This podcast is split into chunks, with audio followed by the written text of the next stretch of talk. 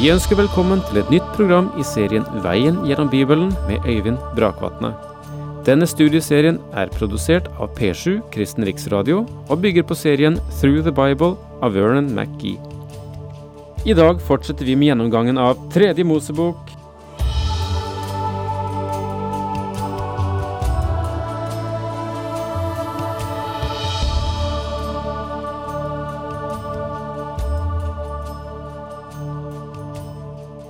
Velkommen igjen til eh, en samling omkring Guds ord. Eh, I dag skal vi gå inn på kapittel seks. Når jeg sier det, så kanskje noen vil protestere, de som fulgte med iallfall fra sist.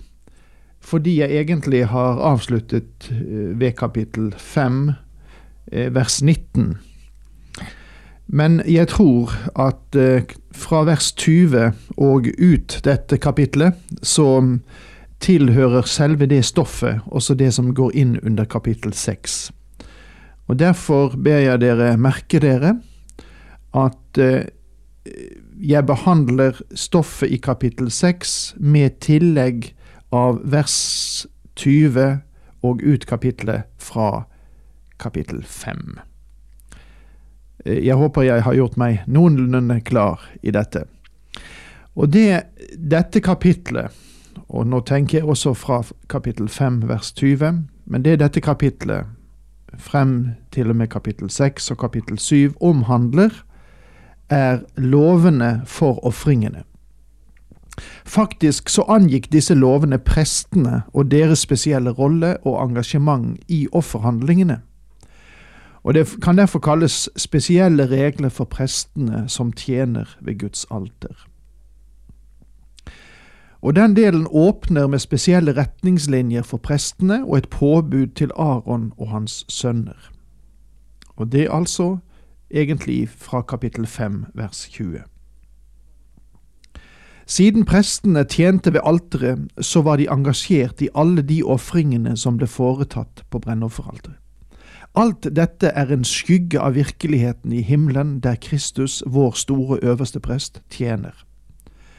Og det som Hebreerbrevet sier i kapittel 8, vers 3-5, hver øverste prest ble innsatt for å bære fram gaver og offer. Derfor må også Kristus ha noe å bære fram.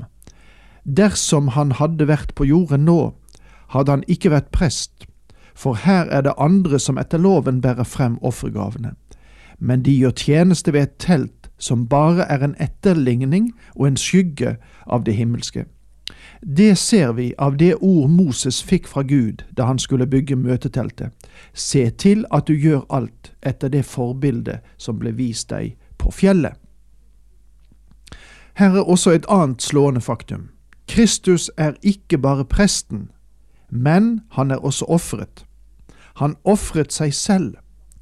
Derfor sier Kristus ved sitt komme til verden, slaktoffer og gave ville du ikke ha, men et legeme gjorde du i stand til meg.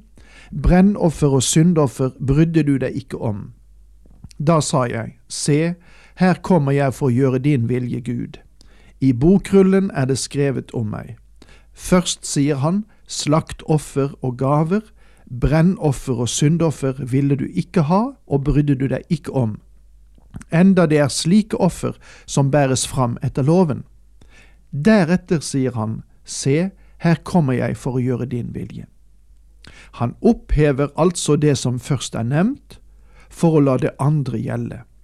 I kraft av denne vilje er vi blitt helliget ved at Jesu Kristi legeme ble ofret én gang for alle. Alle andre prester står daglig og gjør tjeneste og bærer gang på gang frem de samme offer, som likevel aldri kan ta bort synder. Men Jesus har båret fram ett eneste offer for synder, og har deretter satt seg ved Guds høyre hånd for alltid. Ja, dette kanskje noe innviklede avsnittet vil du finne igjen i Hebrebrevets tiende kapittel, fra vers fem til og med tolv. Og vi trenger å være våkne for det som dette avsnittet omhandler også i dag. Her er mange religioner som har vidunderlige ritualer med prosesjoner og pontifikalier, lys og rutiner. Jeg antar at i alle våre kirker og menigheter gjør vi en hel del som ikke nødvendigvis har den største verdi. Gud er ånd, og vi må tilbe ham i ånd og sannhet. Gud gav oss denne store åndelige sannhet her i Hebreabrevet, så vi skulle se det. Du og jeg har en øverste prest i himmelen, og han er fullt engasjert. Når det sies her at han har satt seg, så betyr det at forsoningen var fullført. Det er en parallell til å si at Gud hvilte på den sjuende dag fordi skapelsen nå var komplett. Det betyr ikke at han var trett og derfor sluttet å gjøre noe. På samme måte har den Herre Jesus ikke satt seg fordi han er trett og ikke ønsker å gjøre noe. Han er fullt ut engasjert. Han døde her nede på denne jord for å frelse oss. Han lever og oppholder seg ved Guds høyre hånd for å bevare oss frelst. Du og jeg burde holde kontakten med ham. Og dette er realiteter. Dette er sann åndelighet. Vanskelighetene er i dag på mange måter at vi ikke er i en for god kontakt med den levende Kristus. Kanskje jeg ikke skal si at den ikke lenger er virkelighet for oss. Men spørsmålet er om han er den dype virkelighet i alle våre sammenheng, og er det dype sammenheng i alt hva vi foretar oss gjennom en hverdag av vårt liv. En predikant fikk et sterkt vitnesbyrd om sin forgjenger fra en slakter han besøkte, og denne sa jeg forstår at du etterfølger pastor Eriksson. Vet du, det er noe ved den mannen. Hver gang jeg møter ham, så har jeg på følelsen at han bare for et øyeblikk siden forlot Jesus rundt hjørnet. Denne predikanten mente alvor. Jesus Kristus var en virkelighet i hans liv. La oss nå gå til en oversikt over dette kapitlet nemlig loven om ofringene. Og Her tar jeg altså med kapittel 5, versene 20 til 26, og så kommer kapittel 6 og kapittel 7. I denne oversikten nå tar vi med da den første delen, nemlig fra kapittel 5 vers 20 til og med kapittel 6. Og Den første delen er altså konklusjonen på forordningene vedrørende skyldofferet, og det er kapittel 5, versene 20 til 26. Og så neste del gjelder brennofferet, og det er de første seks vers av kapittel 6. Deretter det som angår grødeofferet, som er fra vers 7 til 16. Og så vedrørende syndofferet, altså loven vedrørende syndofferet, som vi finner fra vers 17 til 23 i dette sjette kapittelet i Tredje Mosebok. Igjen ser vi at de syndene som er nevnt, bare er eksempler på en lengre liste av overtredelser som sikkert kunne vært nevnt. De er synder mot ens nabo i livets dagligdagse avferder. Herren talte til Moses og sa, Når noen synder og farer troløst fram mot Herren idet han lyver for sin landsmann om noe som er overlatt eller betrodd til ham, eller om noe han har røvet eller fratatt sin landsmann med vold, eller han har funnet noe som en har mistet, og så nekter for det, eller han sverger falskt om en eller annen synd som et menneske kan gjøre, da skal den som har syndet og ført skyld over seg, gi tilbake det han har røvet eller tatt med vold, fått i forvaring eller funnet etter at det har kommet bort. Slik skal det også være når noen nekter og sverger falskt. Han skal gi det tilbake med full verdi og legge til en femtedel. Samme dag som hans skyld blir kjent, skal han gi det til eieren. Han skal komme til Herren med et skyldoffer, en lyteløs vær av fe, verdsatt som et fullgodt offer, og gi den til presten, og presten skal gjøre soning for ham for Herrens åsyn, så han får tilgivelse for alt det han har ført skyld over seg med. Ja, slik står det altså i de siste seks versene i kapittel fem i Tredje Mosebok. Dette virker som en atskilt åpenbaring fra Gud, atskilt fra resten av kapittelet. Det viser at synd mot en nabo er en synd mot Gud. Det var derfor Jesus sa, alt det dere vil at andre skal gjøre mot dere, skal også dere gjøre mot dem, for dette er loven og profetene i en sum. Visse bestemte synder er nevnt her, å lyve om ting som er lånt, og ansvar for ting man har til forvaring, er nevnt. Vi har et eksempel på dette i annen kongebok, 6 vers 5, der profeten Elisas disipler mistet en øks de hadde lånt.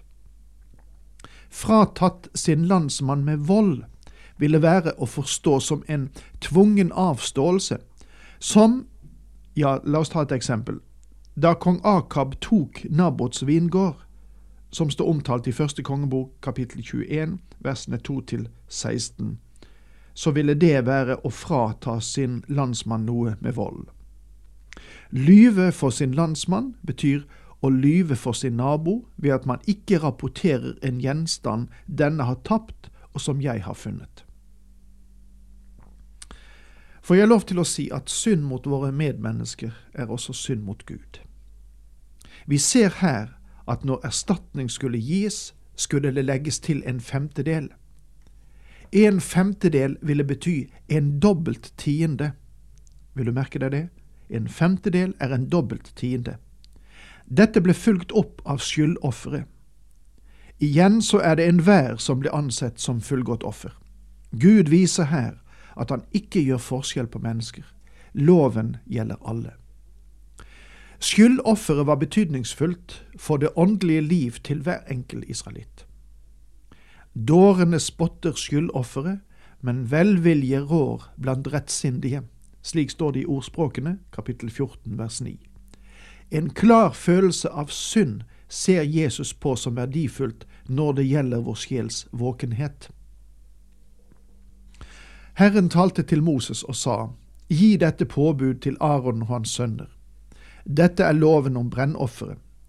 Brennofferet skal ligge på ildstedet på alteret hele natten til det blir morgen, og alterilden skal brenne. Ilden på alteret skulle brenne kontinuerlig, det vil si mens tabernaklet var i drift, og ikke under selve marsjen gjennom ørkenen.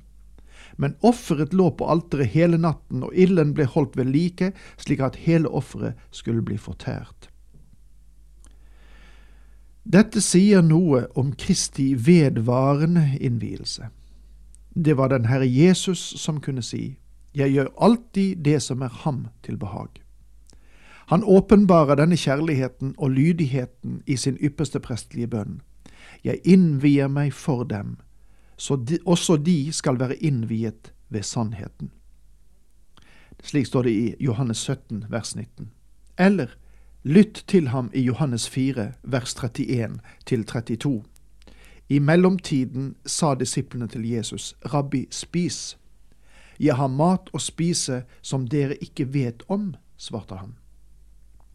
Dette taler også om at vi skal gi oss selv som levende offer til Gud. Jeg registrerer hos meg selv at når jeg legger meg på alteret og ilden gjør det hett for meg, så går jeg ned av alteret. Jeg vet ikke hvordan du har det, men jeg legger merke til at jeg har følge med mange og jeg skulle ønske at jeg kunne si at jeg alltid gjør det som behager ham. Den Herre Jesus kunne si det, men det kan dessverre ikke jeg. Der er en utfordring for hver eneste troende i dag, fordi Gud vil glede seg over den alltid tilstedeværende lydighet i sine barn. Dette burde gi oss atskillig å tenke på, mine venner. Nå må jeg si takk for i dag, og Herren med deg.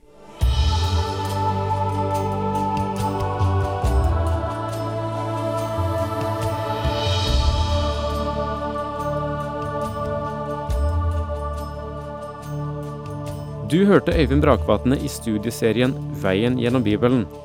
Serien bygger på et manus av Vern McGee. Har du spørsmål eller kommentarer til programmet, kan du sende en e-post til vgb krøllalfa p7.no. Takk for i dag, og på gjenhør.